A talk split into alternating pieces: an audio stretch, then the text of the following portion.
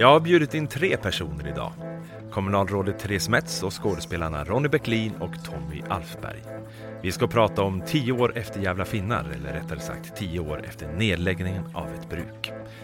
Jag hoppas också att vi kommer in på andra roliga och intressanta saker om platsen som heter Norrsunde eller Hamrångebygden.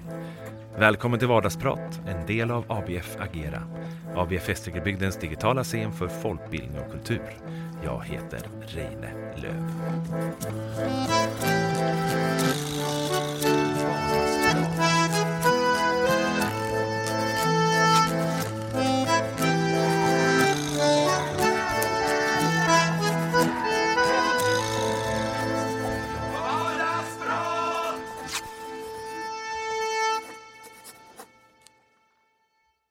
Hej och välkomna!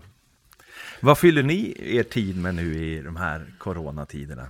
Ronny? Eh, ja, jag jobbar ju fortfarande lite grann på arbetskooperativet Fixarna. Men det blir snart slut på här i och med majs utgång. Asså? Ja, jag fyllde 65 här i april och ja, man kan ju tycka att det får väl räcka med arbetslivet. Men känner du det? Kommer det liksom naturligt för att man blir 65, den där känslan?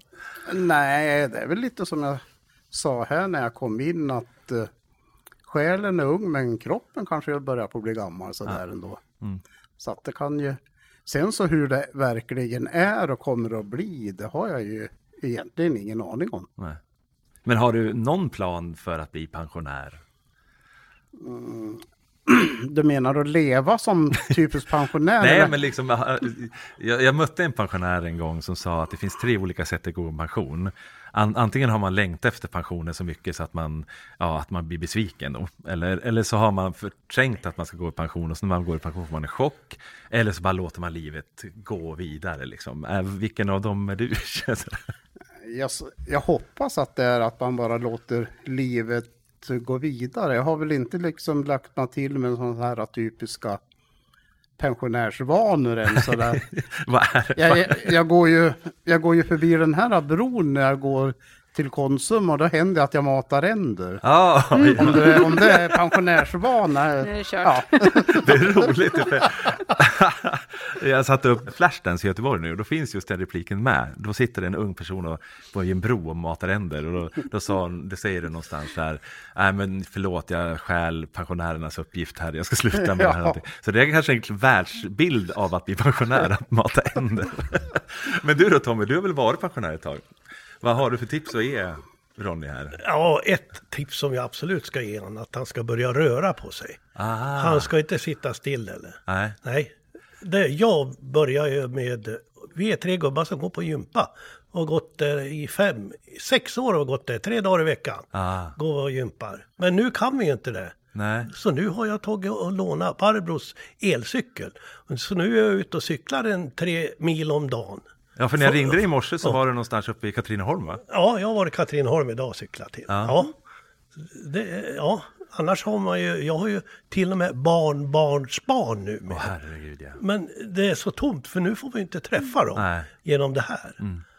Annars så, det är tur att man har haft teatern och luta sig tillbaka ja. på och träffas och hålla på med. Det, det tror jag är viktigt. Man får inte lägga sig ner och, och dö eller och Nej, man Nej. måste hålla igång hjärnan. ja. Absolut. Ja. Det är viktigt. Vi kommer in mer på teatern mm. senare, Norrsunds arbetarteater. Då. Ja. Eh, men är den igång nu under, under den här tiden också eller? Eller träffas ni, gör ni något? Nej, nu är det stilt. Vi har ju 40-årsjubileum i år. Ja. Och vi skulle göra så jättemycket. Ja. Men vi får inte göra någonting. Nej. Så det, men vi tar det nästa år. Och kör hårt. Det är en bra idé. Therese, Mm. Hur ser dina dagar ut nu? Ja, men det är väldigt mycket telefon och dator och eh, Skype-möten och Teams-möten, Zoom-möten, Hangout-möten och alla varianter av såna här virtuella mötesappar. Börjar du bli van med det nu? Ja, ja jag börjar bli van eh, och eh, trött. trött på det också?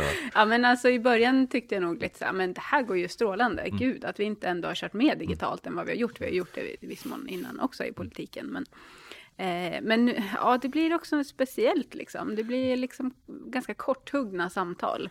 Mm. Eh, det blir ju mer att man så agerar på det som människor säger eh, utifrån kanske att man tycker annorlunda mm. än att det blir de här långa trevliga resonemangen om saker och ting. Um, så att ja, jag ser fram emot eh, någon slags normalitet så småningom, även om det är väl mycket som funkar ganska bra också, mm. får man ändå säga. Mm. Du, vi sitter ju på fyren och spelar in det här. Eh, en fantastisk, fantastisk byggnad här i Norrsunde. Eh, jag tänkte bara fråga er, vad har ni för relation till, till den här platsen, till den här byggnaden? Ja, den har ju funnits med så länge man kommer ihåg. Det första minne man har, det var väl de här uh, julfesterna som fanns. Det var ju ofta inne på Folkan. Och så sen så var det ju alltid dans på första maj här. Och likaså vet jag att sista april, då, då var man också hemma med föräldrarna och flera var det så att fast det var liksom vuxendans på fyren, då så var mm. man hemma med föräldrarna och man var utanför och ja, smög på fullgubbar och sånt där. ja, jag har någon slags minne, apropå de här julfirandena du pratar om. Jag är ju också född i Norrsunde då bodde här mina första 18 år eller vad det var. Eh, och att man delade upp de här juldanserna, att tjänstemännen hade en kväll och arbetarna en kväll. Är det en rätt minne jag Ja, det är, det är rätt. Ja. Jag har varit med på alla, ja. Ja, det har, ja. Varför ja. fick du gå på båda? Ja, men eh, på senare år så blev jag tjänsteman senaste 30 åren. Ah, ja, ja, ja. Så då var man ju med där. Mm. Och så frugan jobbade på sågen och hon var facklig anslutning. Ah. Så då var man ju på den också. Mm. Så jag gick på tre fester. Ah. Ja. de, de hade väl en varsin pappers och så var det trä och så hette det Siff och Salf. Ja. Mm. Nej, jag kommer ihåg, jag var ju tomte på de där festerna, kommer jag och delade ah. ut paket. Och då såg man ungarna en del. De försökte ju springa flera gånger men man kände igen dem. Du vet. var, var... Godispåse skulle de ha flera gånger. Så det var du som var tomten? Ja, ja. maska allting då. Nu, ja. ja, nu får jag reda på mm. sanningen. Efter alla år.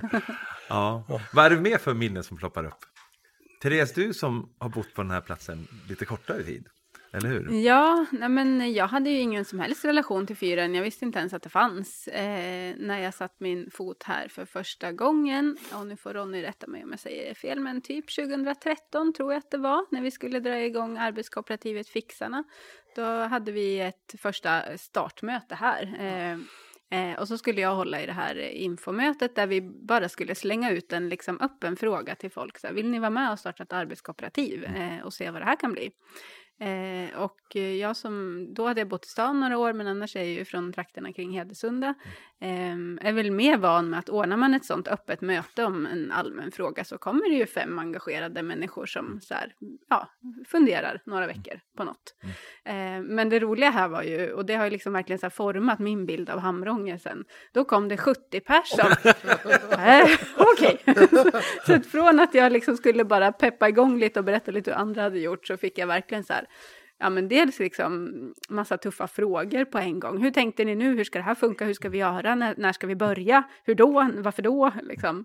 Eh, men också sånt fantastiskt engagemang. Eh, så, så ja, nu är ju fyren för mig bara förknippat med massor med fantastiska möjligheter. Mm.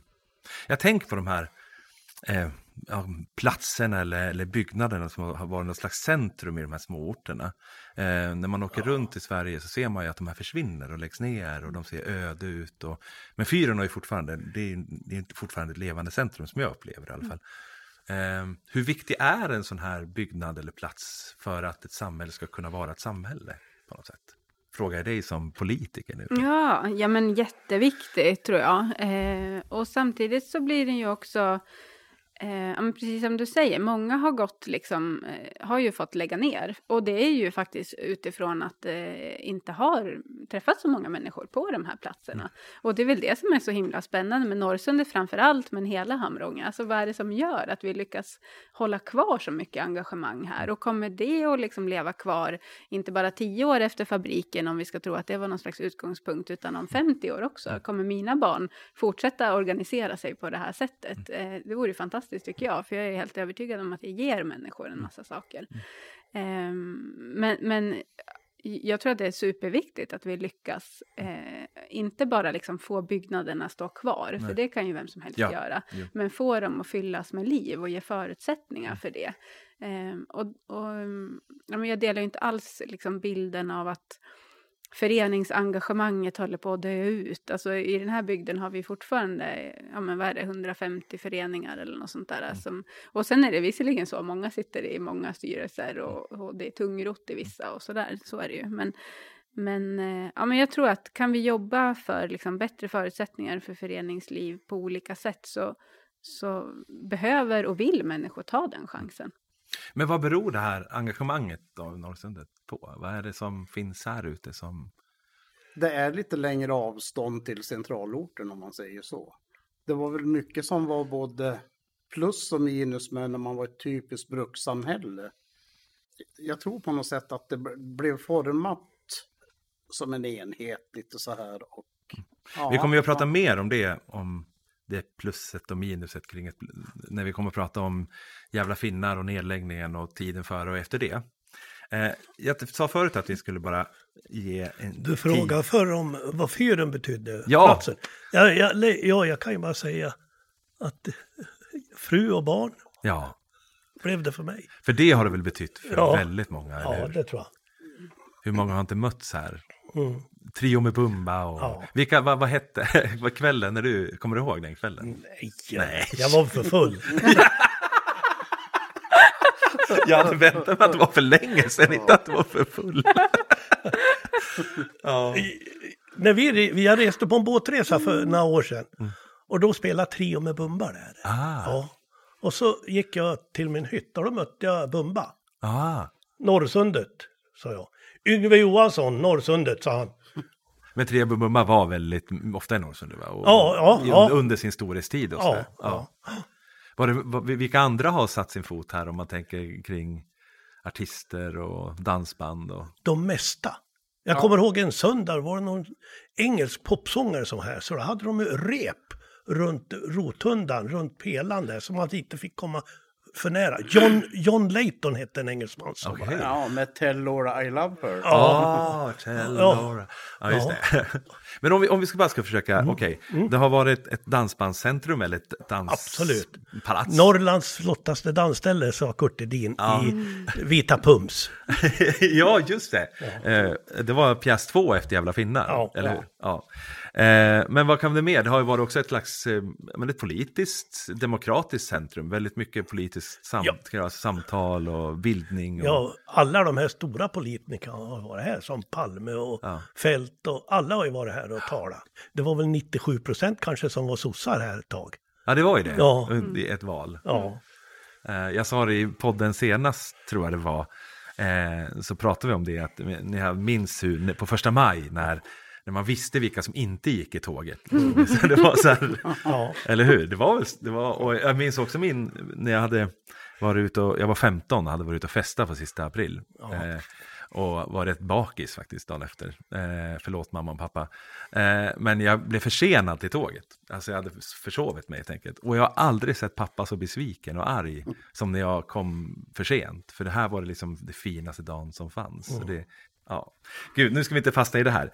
Eh, jag, jag, vill bara ge tid när vi ändå har tid att, att ge er chansen att berätta lite om Norrsunds arbetarteater, denna fantastiska, fantastiska förening som, som har verkat här ute och verkar här ute. Kan ni inte ge oss lite fakta och bilder av det, Ronny? Det var väl någon gång i mitten på 70-talet när Janne Westlund som var född uppvuxen här i Norrsund men flyttat till Stockholm eller någonting ganska tidigt. Men eh, han kom väl hit och började få bli intresserad och dokumentera här i bygden. Och han berättade kring bilder och hette Arvet efter Eliel. Det var fotografen som bodde här på Kvistholmen och det var massa foton och så hade han väl också fått tillgång till eh, Sven Fröjds fotosamling. Och då hörde man väl lite så här att eh, han hade några vyer om att kunna liksom gestalta det på något vis. Men det var ju många turer att man inte trodde att det skulle bli någonting, någon teater här i Norrsund. Nej, vi har väl gjort lite revyer förr och sådär, men att, slå på så stort. Det Hade det gjorts så... revyer innan Arbetarteatern startade? Eller? Ja, ja, både på 30-tal och 60, 50 och 60-talet. Ah. Jag tror jag var på den sista med farsan. Okej. Okay. Satt uppe på, satt på läktaren här på Folkan som brann ner. Ja. Ja, jag kommer ihåg det. Arne Persson och Sven Fröjd och det var... Ja. Bebop-Olle. Bebop-Olle, gamla... Ja. ja. Bebop-Olle spelade i en orkester sen, han, som okay. hette Mats Hjelms. Ja. ja, för att återgå till våran teaterförening då, så vi hankade väl oss fram och det var väl mest mina kompisar som var där före mig. Jag höll på att spela fotboll fortfarande då, men lite nyfiken var jag. Och så kom jag dit och så var det en man då, Erik G. Westlund, som väldigt auktoritär utav den äldre teaterskolan. Han slängde fram ett manus till mig och så att jag fick läsa och tänkte man så när det var slut att ja, det var väl det här, men han, han sa så bestämt, nu tar ni och läser på det här manus och så kommer vi den och den tiden nästa vecka. Ja, det, det där verkar så allvarligt så att jag kommer inte kommer inte för att säga ifrån. Liksom. För jag hade väl tänkt att jag kunde väl hjälpa till att bära någonting eller så här när jag gick dit. Bara att jag var nyfiken, någonting kan man väl alltid hjälpa till med. Mm. Sen så blev det ju 40 år till, liksom ja. så här att vi efter, ja, samma höst som vi hade haft premiären på Det bröt och bygd som satte igång alltihop. Det blev väldigt stort. Då, ja, och eh, vi vart ju väldigt tajta och vi var ju helt överrumplade att det togs emot så väldigt bra som det gjorde. Mm. Landshövdingen var här och mm. det var fullt. Då hade vi bara Dansrotundan som lokal för det förra Folkets hus, det var ju nedbrunnet och det här hade vi sitter nu, det var ju inte byggt än. Mm. Vilket år var det här? Ja, det här var 1980. 80. Hade premiär den 6 februari 1980. Så och så fick vi göra extra föreställningar under hela våren och även att vi skulle göra till hösten. Då beslutade vi att vi skulle bilda en teaterförening då 1980. Mm. Och så blev det och men det kom in fler intresserade och några ville återuppta den här revytraditionen. Mm. Och då blev det ett antal revyer. Jag tror vi körde från 83 till 89, 90 och så blev det något uppehåll och så sen så körde vi också lika många år. Mm. Sen så blev det lite förfrågningar om sommarteater. Mm. Så vi började ju väldigt seriöst och gjorde gruppet i Kiossa som var en som Dramaten hade satt upp. Den minns jag fortfarande. ja, fantastisk föreställning men den drog inte så mycket folk, för folk var väl inte så vana att gå på teater. Nej. Sen så sa man det på körde ett folklöst spel. Så rullade väl det på under hela 90-talet. Och parallellt med de här så har vi även gjort andra uppsättningar. Det var ju i samma veva som Folkteatern etablerade sig i Gävle. Mm. Och ville också ha ett samarbete med amatörteaterföreningar. Och då höll vi oss framme där så att då gjorde vi den här kanonpjäsen som var ett samarbete med Folkteatern. Och det var ju, blev ju också väldigt stort för att de hade en, Folkteatern här hade en ganska rikskänd ensemble. De kom ut och hjälpte till med regi och en massa saker. Och SVT som var det enda tv som fanns då var här och gjorde reportage och en massa saker. Ja, Norrsund, Arbetsteater var väl Alltså, det hörde man ju talas om lite runt om i Sverige, lite överallt. Tyckte jag. Ja, det blev ju så då. Ja. Och så har vi även haft flera samarbeten med, med just Folkteatern. Mm. Och parallellt med det så har vi även gjort mindre uppsättningar skriven utav lokala förmågor och som kanske spelas här i rum 3 och 4 här på mm. dåvarande Folkets hus. Då. Men Tommy, du har ju också gjort en resa inom arbetarteatern. Och så vad, vad har det bytt för dig person, eller betytt för dig personligen att ha en teater att kunna liksom finnas i och, och stå på scen? Jag kom ju från uh, idrottsföreningen ja. jag från början. Det, där var man ju van med lag och allting. Och teatern var nog liknande det. Man repeterade och övade och ja, man blev ett fint gäng tycker ja. jag. Mm. Jäkla sammanhållning. Mm. Så det har ju betytt mycket. Ja, nu på senare år har det betytt jävligt mycket, lär jag säga. Mm. För att, eh, ja, det friskar upp hjärnan och man är med och träffar mm. många nya människor och så. Mm. Ja, men jag tänker på från min barndom, ni var ju min teateruppfostran på hela vägen egentligen. Jag minns ju fortfarande scener ur Det bröt och byggd. Jag var nio år då när jag såg den. Men det är fortfarande liksom spelas upp i min hjärna bland scener. Jag minns den här miljöpjäsen vad hette den? Miljonärerna. Miljonärerna ja. till exempel, där som, som var otroligt politisk och som, som handlade om alltså, som, frågor som, ja men det var både en slags politisk uppfostran och det väckte helt plötsligt lust att shit, teater. Alltså jag var ju också en sport, liksom, fotbollskille och sådär. Så att ni har ju betytt något otroligt mycket för så många tror jag. Mm. Den var ju också lite kontroversiell för företagsledningen. Ja, hur och, viktig har politiken varit i, i arbetarteatern? Eller, för det är verkligen, som ni säger, det är en väldigt bred bild av vad ni har gjort. Ju. Rena Gideon Wahlberg-farser. Du och jag gjorde en sån tillsammans en gång, Tjocka släkten. Ja, ja. Du, du, var inte med i den va? Nej, Söderkåkar och några, några till var med ja. Nej, men vad, hur viktig var politiken att liksom berätta? Ja, men för min del så går det tillbaks när det gäller teater eller när det gäller Folkets hus och Norrsunde. Ända till min farfar. För han eh, var med och byggde Folkets hus här. Mm. Det här är Bröt och bygd alltså. Mm. Och han blev svartlistad. Ah. För de byggde Folkets hus. Mm. Så han, de bodde här på Kvistholmen. Mm. Och då han blev svartlistad, då skaffade han en häst. Så han åkte här omkring i Norrsund och sålde strömming. Mm. Och sen farsan var ju aktiv i fackföreningen och, och jag har ju även varit med i fackföreningen. Mm.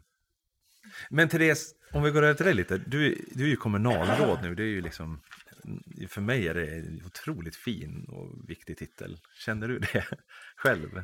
Eh, jo, men det är ju absolut ett jättestort förtroende ja. eh, att förvalta. Mm. Vad började din resa fram till det? Vad, vad upptäcktes din lust till, till en politisk ja, bildning? Eh, ja, men den har väl också liksom lite som Tommy är inne på, den har på något vis funnits där hela tiden eh, och ändå inte. Eh, jag, har, eh, jag är uppväxt långt ute på Vischan. Eh, det är väldigt centralt här för mig, eh, ja. mitt perspektiv. Ehm, nej men, eh, väldigt ensamt hus mitt i skogen eh, mellan Gävle och Hedesunda. Och där jag liksom, mina första så här, miljöengagemang var liksom att jag blev så otroligt provocerad av skräp som flög runt på backen och mm. människor som kom ut till landet på hösten och skulle liksom utnyttja den, lite som jag såg det, och ta det liksom finaste av den. så eh, och inte tog något ansvar för liksom helheten. Eh, så jag startade bland annat en miljötidning när jag var 11 år tillsammans med min eh, kompis eh, som bodde sju kilometer bort i grannbyn. Då. Eh, ja, men och så där liksom har det hållit på. Eh, jag har startat olika miljöorganisationer och sen gått in i andra och någonstans eh, när jag hade både jobbat med miljöfrågor och eh, gjort det mycket ideellt liksom, så kände jag att ja, men ska man kunna påverka på riktigt så behöver man eh, nog gå in i politiken, åtminstone prova. Mm. Så att man verkligen känner att man har gjort allt eh, man kan. Eh, så när Sverigedemokraterna kom in i riksdagen 2010 så gick jag med i Miljöpartiet och kände att det, det finns både liksom en solidariskt perspektiv för människan och eh, framförallt för planeten som är den enda vi har. Mm. Du valde att säga att det Sverigedemokraterna, var det en anledning också? Att... Ja, men det var det verkligen. Ja. Ehm, jag har eh, dels liksom judisk bakgrund och för mig har det liksom varit otroligt provocerande med det starka stödet som har liksom vuxit fram för Sverigedemokraterna som inte jag kan dela på något sätt alls. Mm.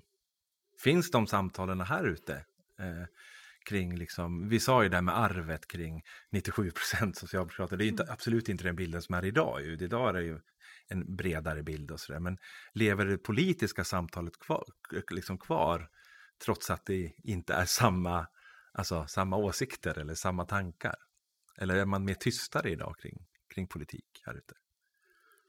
Jag tycker inte det, om jag ska börja. Mm. Eh, jag har ju delat ibland olika, på, eh, olika artiklar eller ståndpunkter så, eller saker som händer framför allt kanske eh, ur ett kommunalt perspektiv i olika Facebookgrupper eh, för Hamrångebygden till exempel. Och det rasslar iväg ganska fort med kommentarer. Eh, sen är det alltid liksom utmanande att föra samtal över sådana nätplattformar. Eh, för de sker ju inte så mycket vad jag vet, liksom de fysiska samtalen, inte de ordnade. Eh, och det har ju också varit klurigt när vi från kommunen vill ha samtal eh, kring liksom mer politik. Jag vet att både Socialdemokraterna och vi har försökt ordna mera så här riktade politiska samtal. Eh, men däremot så är ju, precis som jag var inne på i inledningen, engagemanget enormt stort när man eh, kallar till liksom möten om vår landsbygdssatsning till exempel. Då kommer det ju jättemycket folk, eller bostadsfrågan eller så. Eh, så att, eh, ja, det, det, är lite både och. Mm. Jag har ju en bild av dig nu. Vi har bara mötts kort i livet sådär, hittills i alla fall. Och min bild av dig är att du är en otroligt så här, både liksom engagerad och idealistisk person. Att, liksom, att du har, det, alltså, är det en sann bild som jag har? Det får du fråga någon annan. Ja, det är sant. Nej, men alltså jag, jag, får för mig att, att utanför politiken så är det ändå miljön du brinner för, även privat. Alltså att, jo, men så är, är det, det väl. Eh, jo, men så är det. Jag, jag, gör mycket hemma, liksom odlar och försöker så eh, på olika sätt. Mm. Men det är också för att jag Eh, alltså, det är inte för att liksom leva idealistiskt utan det är för att någon slags rättfärdighet inför mig själv mm. snarare än liksom mm. så här borde miljöpartister vara. Vi har snarare ett problem att miljöpartister uppfattas så mm. Eh, eh, och att man måste göra rätt själv för att vara liksom miljöpartist. Det är ju ett, faktiskt ett problem. Eh, vi vill skapa en värld som är liksom lätt att göra rätt i. Eh, man ska inte själv behöva komma på alla lösningar. Mm. Eh, men det är väl en del i liksom, eh, mitt engagemang på olika sätt. Mm. Att jag vill känna mig sann inför mig själv och veta att jag har gjort allt mm. vad jag kan på olika sätt. Får, får jag bara fråga en sak som jag, som jag har tänkt på jättemycket? Eh, jag tänker på eh, arbetarrörelsens framväxt för cirka hundra år sedan. Liksom, så byggde det ändå på att att människor kunde känna liksom att shit, här har vi en chans att eh, bli friare eller här har vi en chans att, att tjäna saker på, att gå med i den här rörelsen. Liksom vi, vi kommer liksom, ja, få ett friare liv på något mm. sätt. Eh, som jag också kan känna när jag tänker på miljörörelsen idag, att det finns liksom, men jag tycker inte ni kommunicerar den på det sättet, utan att den kommuniceras väldigt mycket av skuld och skam. Alltså att att titta, här ska ni ha skuld och här ska ni ha skam.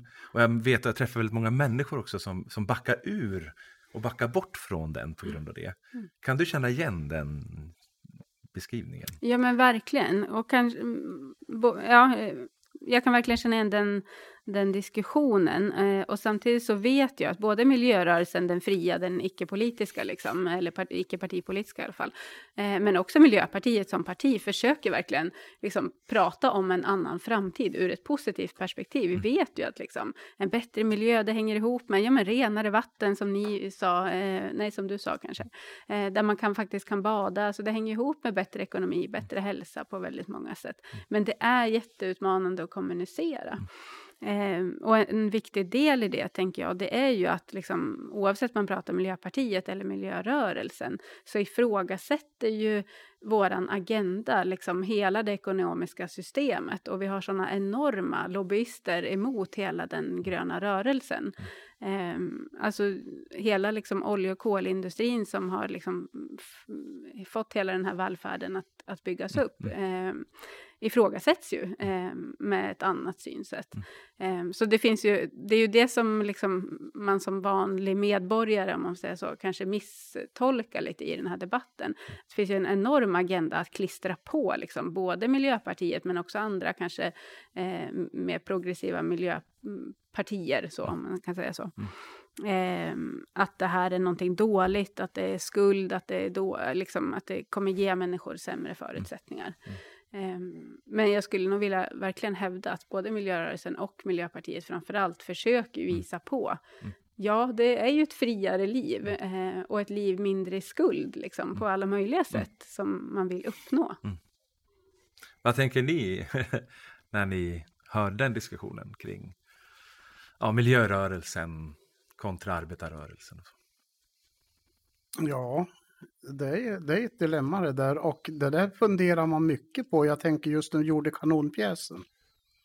Och den var ju också skriven så att det här med vapenexport och liksom man, man uh, säljer vapen till krigförande länder och allting sånt där. Och uh, när man deltog i den pjäsen då kunde man väl känna sig, ja visst är det åt helvete att man gör det. Samtidigt så kom ju också den här diskussionen in i texten också som Anette Kullenberg skrev då att det betydde ju mycket för, i det här fallet, Bofors samhälle att de skulle eh, jag, jag, kom ju med någon och fadern blev utan jobb, eller han vägrade, jag försöker komma ihåg pjäsen nu, men vägrade börja jobba inom vapenindustrin. Och min rollfigur gör ju det. Just det. Och eh, just det här att man väger två saker mot varann hela tiden. Mm. Arbetstillfällen, standard mm. och så gentemot miljön. Jag har inte, liksom vad står man på den där graderingen? Mm. Ja, det har jag funderingar med mig själv varje dag liksom. Mm. Det, det, är som en vågskål. Mm. Det är som nu. Vi har ju verkligen en fråga nu. Vindkraftverk, fiske, Mm. Och vad, berätta mer om den. Vad, vad... Ja, fiskarna hävdar ju de att det, det, kommer att bli problem att få upp fisken här. Mm. För den kommer, vindkraftverken kommer så nära här, mm. säger de. Jag kan ju inte det där. Men jag, jag tror lite på dem ja, i alla fall. Mm. Och då kommer det ju där igen. För det är ju miljön. Vi vill bygga de där vindkrafterna. Men sen vet jag inte om de kan bygga dem längre ut så det ja, blir bättre på så vis. Men det är väl så som jag upplever det ofta att, att det finns liksom så många nivåer av liksom rationalitet eller tang, sanning på något vis i frågorna idag. Att liksom, ja men en sak, alltså, ja men då får man höra att, ja men okej om vi bygger vindkraft här så blir det det här. Och så tar man till nästa nivå, så tar man till nästa nivå. Att, att det, jag kommer inte ihåg vem som sa det, att, att det, det finns ingen sanning. Det vore en vacker tanke men det finns ingen mm. sanning. Det är någon, jag vet inte, någon, ja, någon författare eller någonting. Eh, att, utan det finns lager av sanningar mm. och, och, perspektiv. Och vi måste kunna orka tanken av att det finns många sanningar. Mm. Typ. Mm. mm. Ja men det är väl verkligen så. Det finns ju så sällan ett svartvitt eh, rakt svar på en fråga.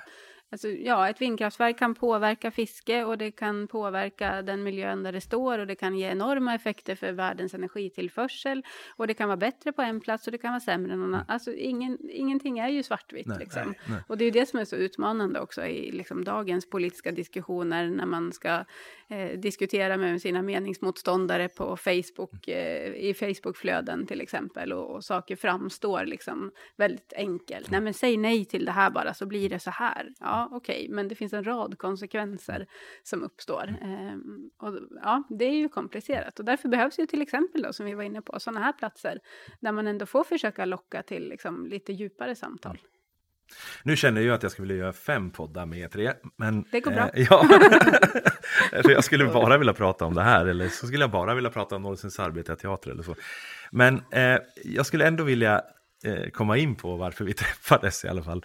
Eh, och det är ju eh, jävla finnar eller nedläggning av bruket. Eh, alltså den perioden och lite perioden före och efter. Liksom, var, eh, jag har ju ett minne av den dagen vi skulle ha kollationering, alltså att vi skulle ha en första träff med, med manuset. Jag bodde i Stockholm då och pappa kom och mötte mig i Gävle eh, och skulle köra ut mig hit. Och så åkte han förbi Rökåkarna först när vi kom ner. Och så sa han, ja Reine, snart ska de ju börja riva de här. Och, och, jag, och för mig var det jättehemskt. Det var så här, ja, det, vackraste jag hade sett nästan. Mm. Och sen så kom jag hem eh, och så kliver jag ur bilen, då ringer telefonen. Eh, och då ringer de härifrån eh, Folkets hus var det då ju. Och sa att Reine du måste komma ner till Folkets hus, ni kan inte repetera där. Ja, varför då? då? Jag hade gått i konkurs, de har stängt av strömmen. Och bara, va? Ja, ja, jag springer, så jag. Så jag bara kastar in min väska, sen springer jag ner till, till Folkets hus. Och medan jag springer så möter jag en annan person härifrån Norrsunde som säger, Reine, kommer du på möte ikväll? Vad, vad då för möte? Det här. Jo, de ska lägga ner eh, Arbetarmuseet. och, det, och det här hände alltså i en halvtimme. Mm. Så hände allt det här för mig. Och för mig blev det då en slags sanning av att, eh, som också pappa jag hade pratat om sedan jag var liten, att den dagen bruket försvinner så kommer Norrsund då inte att finnas mer. Då kommer, då kommer det att bli en, en gräsplätt som ingen kommer att... Så här. Hade ni samma känsla? Nej, för ni jobbar ju på fabriken båda två, eller hur? Ja, jag, jag jobbade i hamnen i 50 år, jag, bara, Ja. så, så jag jobbade. Och jag fick reda på det när jag cyklade hem på frukost. Asså? Med en telefon från försäljningen. Ja. Att de skulle lägga ner bruket. Hade du anat någonting då eller? Nej, tvärtom nästan. För vi hade ju med försäljning att göra och sånt där jag jobbade med. Och det var jättepositivt. Ja, visst hade det kommit positiva rapporter Ja, precis ja, före? ja, visst var det väl så, Beck? Ja, jag hörde det ju på morgonen när jag eh, lyssnade på Nyhetsmorgon. Då, då nämnde de just att eh, Stora Enso avvecklar två bruk, ett i Sverige och ett i Finland. Mm. Och då undrar jag så här, undrar om inte vi är med nu? Mhm. Att jag kunde känna det, men jag vet inte, jag satt ju med i eh, redaktionsrådet på den här tidningen som Skutskär och Norrsunda hade tillsammans då. Och jag hade varit på möten där och jag tyckte jag hörde i tonen och det var ju mycket chefer som slutade med omedelbar verkan just då under den här sommaren. Och eh, försäljningschefen satt också med i det här redaktionsrådet och man hörde deras ton lite grann så att jag tänkte direkt så här, är vi med nu? Och det var vi. Vad hände med er två då? Vad... Rent fysiskt. Nej, men eller- ja, eller känslomässigt, eller vad, vad hände? Alltså vad hände? För ni hade, du hade också jobbat där väldigt länge, eller hur? 35 år. Ja, Ja, man trodde inte det var sant. nej. Och så bodde jag granne med Lasse Örn. Han var ju fackföreningskille på SIF-sidan. Mm. Så han, ja, han trodde heller inte det var sant. nej. Hur kände du? Ja. Ja, det var väl omtumlande. Jag vet, Ja. jag tog en lång promenad runt samhället, ner runt Småbåtshamn och sen så var ju allting liksom bara för tidigt att säga liksom. Man tänkte väl inte just med konsekvenser, hur kommer det att bli och liksom hur. Nej. Men sen gick det väl ett år från att ni fick reda på det tills att det stängde? Va? Mm, Ja, drygt ett år. Ja. Jag jobbar kvar till års... De slog ju igen driften på fabriken i oktober 2008 var det väl. Mm.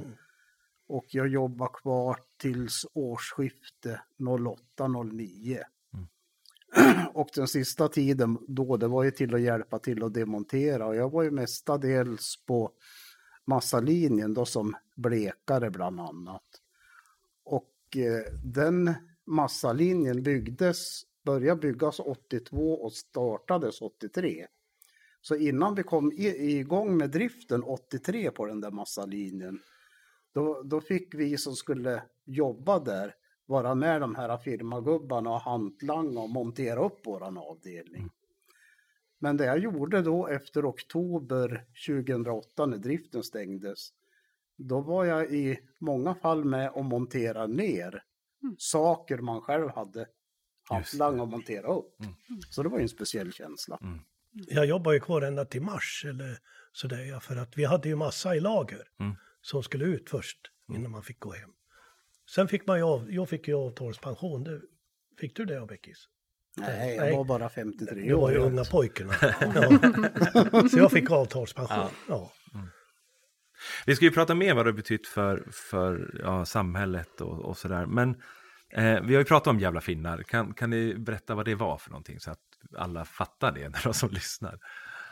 Jag tror det var Ingrid som jobbade som kanslist på Ådala då som sa att att Reine undrar om det, ville, om det kom några från teaterföreningen ville träffa han och någon som hette Amerika. Mm. Så började väl och Sen så var det väl att vi, Amerika intervjuar ju under väldigt, Mm. väldigt Ja. många av de som Ja. jobbar på fabriken. Eller hur? Ja. Och sen så skrev hon ett förslag på ett manus eh, som vi sen träffades och diskuterade och skickade tillbaka och sa nej men det där stämmer inte men det där är bra och sådär. Och till slut så fanns det ett manus ju, eller hur? Mm. sen så fick jag också hjälpa dig och Mm. Amerika som rekryterar och, och leta människor. Ja. Jag tror du ringde till mig Beckis. Ja. Ja, Mm. på slut innan vi fick ihop hela rolllistan, då hade vi kontakt med varandra hela tiden och vi tänkte möjliga och omöjliga människor. Ja. Liksom. Eh, ja, men sen så hade vi premiär. Eh, och det var väl en, det var ju innan den hade stängt, det var ju var målet. Jag kommer ihåg att ni hade två önskemål när vi började jobba. Det var ena var att vi skulle ha premiär innan det stängde, att vi skulle ligga först. Och att ingen skulle kunna komma och klappa er på huvudet och säga vad duktig ni är. Utan de skulle inte, ha, de skulle inte klara av det känslomässigt för att det skulle vara så starkt. Helt enkelt, utan man skulle liksom inte kunna förminska den på det sättet. Eller hur? Det, det minns jag från, från när jag frågade er vad ska vara för mål med det här. Och därför repeterar vi ju väldigt hårt också, Ja. ska sägas, eller hur? Ja, Vi repeterar i stort sett varje kväll när ni var ledig, Ja. ja. helt enkelt. Och sen så åkte vi på turné med den. Ja, jag kommer ihåg att eh, jag hade en speciell roll. Jag läste upp någonting, en monolog. Ja, Och eh, då var det en, en människa som du kände, han dog under tiden vi spelade. Vad hette han för någon? Jocke just det. Joakim Ja, Stensell. och Ja. han var med när vi spelade i Storvik. Mm. Då kom han fram till mig och sa, men tänk när du kör den där, det blir dödstyst i salongen. Så. Och det, det förstod jag att det skulle vara i Norrsunde, men inte att det skulle vara så här här. Mm. Och när vi spelade här i Norrsunde, inte för att jag gjorde väl en jävligt bra naturligtvis. Ja, ja. Det var, nej, men det, var, det var faktiskt de som började gr- grina då. Ja. Det var helt fantastiskt. Och den monologen gav ju en slags bild tycker jag av ja, men den här känslan av att vara på väg att sjunka som plats Ja. och ingen bryr sig. Utan Mm. det var en rysk ubåt sam, alltså några år före där som hade sjunkit ute, utanför, för, ja, men någonstans i Östersjön, nej, jag kommer inte ihåg. Men som eh, den ryska staten sket i. Den lät bara få dö där på botten. Och här drog din karaktär en slags bild av att Norrsunde var den här sjunkande båten, eller hur? Ja. Om jag minns rätt. Mm. Ja, men sen så blev det här, det blev ju bara större, alltså, ja, vi åkte ju på, ni blev ju anställda skådespelare på Riksteatern till Ja, slut. man enkelt. har ju varit proffs. Jag får, ja, men jag får ju en, får ju papper nu att jag, jag får sju kronor i pension för det där. Och de skickar ut det där än. Alltså är det så? Från Skattemyndigheten, Pensionsmyndigheten. Ja. Ja. Ja, ja. så jag fick pension från det där också. Men hur kände ni på den resan? Var det, hur var det för er? Jo, men det var ju suveränt. Det, Oj. Var, det var väl sex veckor vi låg ute och bodde, bodde ute på hotell. Det är ju någonting man kan tycka så här, de här tio åren som har gått efter nedläggningen från vad säger, 2009, 2010 till nu. Ibland så har jag tänkt så varför kom inte det där allting? Just det här att få pröva på att jobba som, som professionell skådis. Jag var med om att bilda ett kooperativ. Och det hände så mycket i den där delen av livet. För hade jag gjort det där i 20-årsåldern så kanske en, kanske en mer spännande värld hade öppnat sig på något vis. Och samtidigt är det lite som en upprättelse. Ja, Ja, det var ju jobbigt. För att vi, vi spelade i två föreställningar om dagen. Och vi som spelade, vi byggde, Och spelade, rev och stack iväg till nästa plats, byggde, spelade, rev och så var ingenting öppet på kvällarna. Så då köpte man varmkorv på macken. Ja, jo, det var oftast att jag hamnade på någon mack. I, i, när vi var i Falun hann vi ibland om vi skyndade oss. Det var ju direkt liksom till någon krog och äta med smink på. Eller. Men det som var intressant var ju att det var samtal efter varje föreställning. Ja. Det var väldigt starka samtal Ja, också. ja. Jag, jag var nog inte med, ja, för vi höll väl på rev. Ja, just det. Det var vissa som kunde Ja. gå på det bara. Ja. Ja, det var Regina och jag för det mesta. Ja, det var, Ja, det, det var väl det? det va? var det.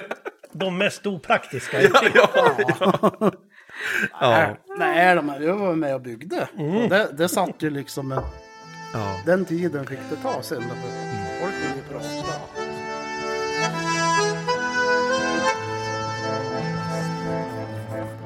Det här var första delen av det här vardagspratet. I del två kommer ni höra samma personer samtala, bland annat om hur Norrsundet har blivit efter nedläggningen. Stämde det som personerna i pjäsen förutsåg?